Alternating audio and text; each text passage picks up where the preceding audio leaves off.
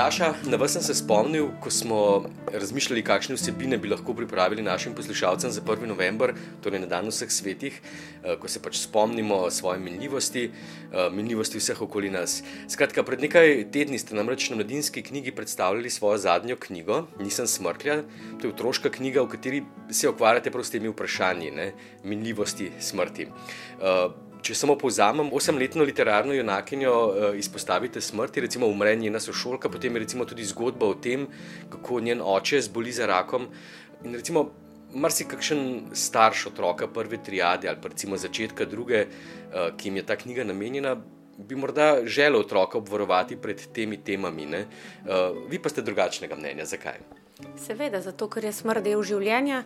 Jaz ne verjamem v smrt, jaz verjamem v življenje in zato je to del tega uh, mojega vzgojnega pristopa, da se o smrti normalno pogovarjamo. Sploh pa potem, ko pride praznik vseh svetih, mi ga pač imenujemo vseh svetih. In ko obiščemo grobove naših prednikov, ki jih nekatere so moji otroci poznali, nekaterih ne, ampak se o vseh pogovarjamo, kot da so živi, kot da so z nami, kot da so del našega življenja bolj ko odraščamo, bolj ko smo stari, pravzaprav opažam, da mi je zelo pomembno vedeti, kdo so bili moji predniki, zakaj so umrli, kakšno življenje so imeli, kaj so v življenju počeli, kakšne, kakšne zablode in kakšne podvige so prenesli na ta svet. Tako da se tudi z otroki o tem pogovarjamo.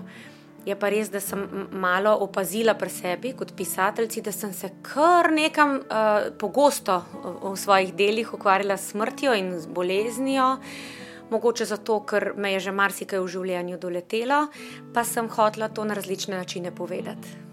Eh, no, kot ste omenili, eh, še enega od svojih prejšnjih romanov, bom rekel, del zgodbe tega uh, mladinskega romana Lica kot češnja je tudi smrt očeta, oziroma očima enega od osrednjih likov. Uh, no, ob izidu te knjige je Damien Zorc o smrti zapisal takole, ne, v recenziji knjige: Govorimo o njej, pišemo o njej, vendar je ne sprejemamo kot življenjsko sopotnico, nikoli nismo pripravljeni in nikoli ne bomo. Smrt je tabu, ki pa nam ga morajo razlagati romani. Ne. Se mi zdi tako zanimiva misel. Uh, pa se teh tem v literaturi uh, lotevate zgolj zaradi razbijanja tabujev ali je kaj drugega, zaradi česar vas te teme, bom rekel, vznemirjajo? Um, no, Damjan Zorc je precej okrcal ta moj roman, mu ni, mu ni všeč. Napisal je pač, da je fajn, da se uh, smrtjo v, ni, uh, v literaturi ukvarjamo, ampak mu ni bilo všeč, kako sem jaz to naredila. Tako da to recenzijo sem videla. Ni bila pa edina, je bila pa edina slaba. Tako da se, ne, namaram, da bi, da bi, da bi bilo da bi bili tabuji sploh prisotni, čeprav se mi zdi to, da je tabuiziranje že preveč uh, populistično v literaturi, da je tabuiziranje se mi zdi že kar mal preveč v, na različnih področjih, se pravi na področjih spolnih zlorab, tega je bilo malo morja, zdaj je na obdobje, potem nasploh spolnosti. Jaz pa ravno tega ne, uh, ne tlačim v otroško in mladinsko literaturo. Tako, kar se pa tega tiče, sem pa mal bolj previdna. No. Smrt se mi pa sploh ne zdi tabu, za me to ni tabu, se mi pa zdi, da se, da se marsikje pojavlja. No, enkrat sem v živalskem vrtu v Ljubljani doživela, eh, da je nočka razlagal o svojem otroku. Ki je tisto otrok videl, da štorkljam miši mečejo za hrano. Ne? In seveda, otrok je bil mal tako, mal presenečen, joj, oči, kaj pa to dajo za jesti tem pticam. Pa je oči rekel, veš, take piškotke, ki imajo obliko mišk. Tako, to se mi zdi res brezvezeno, tako čist nepotrebno uh, za, zavajanje otroka. To je, to je bila laž. Ali ste morda zaradi dogodkov v vašem življenju za vas literatura in pisanje nekakšna terapija, da tako lažje uh, predelate neke svoje traumatične izkušnje? No, terapija pisanja ne sme biti, nobena umetnost ne sme biti terapija. Zato, ker če je terapija, potem o, ni, več, ni več ustvarjanje. Je pa dejstvo, da ustvarjanje pomaga preživeti in da na nek način ima tudi terapevtski učinek. Ne sme biti pa to njen namen, tako bom rekla. Seveda, ko nekaj napišem, je kar mal lažje. Moram pa reči, da za roman Lica kot češnje sem se kar dolgo pripravljala. Ves čas sem imela, 20 let sem nosila idejo v sebi, da moram napisati zgodbo o smrti, zato ker sem uh, brata izgubila. Ko sem bila stara 20 let, mi je v prometni nesreči umrl mlajši brat in to je, zelo, zelo, to je bil res strašen udarc za, za mojo družino. In takrat sem, rekla, sem, sem si rekla, enkrat bom to napisala, ampak tega ne moreš napisati takrat, ko se to zgodi. Pa tudi če deset let kasneje ne, ne moreš tega napisati, zato ker se mora oddaliti, da lahko postane zgodba, da ni izpovedne. Ker če je izpoved, potem ni zgodba. Tako da tukaj sem se pač neke dogodke zmislila in v te izmišljene dogodke v zgodbo dveh popolnoma izmišljenih najstnikov sem upletla eh, neko, neko smrt v preteklosti, katero, eh, v kateri sta ona dva na nek skrivnosten način povezana, pa se to seveda ne razkrije tako. Ta zgodba v okviru je popolnoma izmišljen. Ta bolečina te izgube, v, ko zgubiš nekoga v prometni nesreči, je pa resnična. Kaj pa, ko ste recimo v tej prvi knjigi, ki sem jo omenil, nisem smrtla in je namenjena eh, otrokom prve triade. Um, dodali smrt, bom rekel, zgodbo o smrti. Ne? Gre za pismo te deklice, glavne junakinje, njeni preminuli sošolki.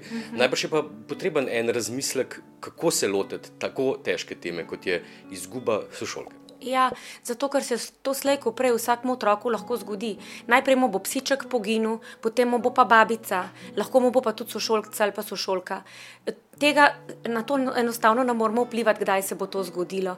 In prej, ko se o tem pogovarjamo, prej, ko ga s tem soočamo, da se to lahko zgodi, da smo vsi minljivi, da vsak trenutek lahko se nam nekaj zgodi, nas ne bo več, uh, bo, boljše za otroka, lažje bo prenesel, kadar se mu bo to res zgodilo. No, v eni uh, od zgodb uh, ljudi, ki razmišljajo o izgubi bližnjega in minljivosti o 1. novembru, je Miha Podgornik rekel, da se je, čeprav ni bil nikoli religiozno vzgojen, šele po mameni smrti začel spraševati o življenju po življenju, o neki višji sili. Uh, vem pa, kot ste mi povedali, da je tudi vam prav vera nekako pomagala, da ste se lažje soočali z izgubami in to minljivostjo, o kateri že več čas govorimo. Ja, tak dogodek te zagotovo postavi pred tako hudo preizkušnjo, ko moraš o stvarih razmisliti, ali pa se jim izogneš in potem jih vse življenje nosiš s sabo kot nerazrešene bolečine.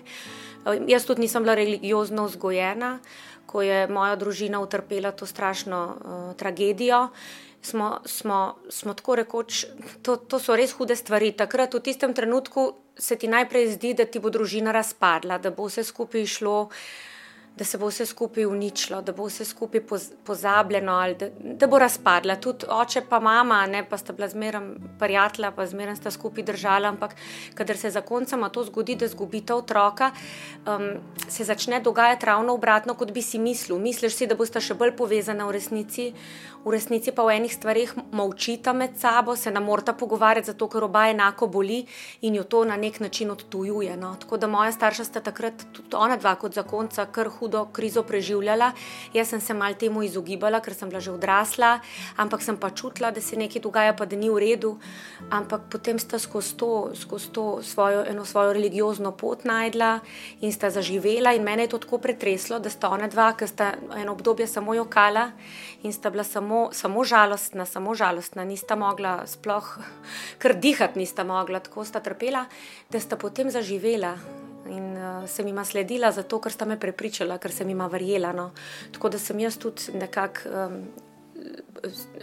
no, vero spoznala. In takrat, ko se ti zgodi, ko ti nekdo umre, se začnejo tudi ne take nenavadne stvari dogajati. Mogoče začneš sanjati tega človeka, pa ti, pa ti v sanjah kaj pove, pa ti pove take stvari, ki si jih nismo mogli sam zmisliti. So tako kar na taka nadnaravna doživetja, no, moram reči da, da verjamem v to, da, da so to resnične stvari. Vi ste mama petih otrok, uh -huh. uh, najbrž tudi zato pišete več o, uh, za otroke in za mladino, kot za recimo odrasle.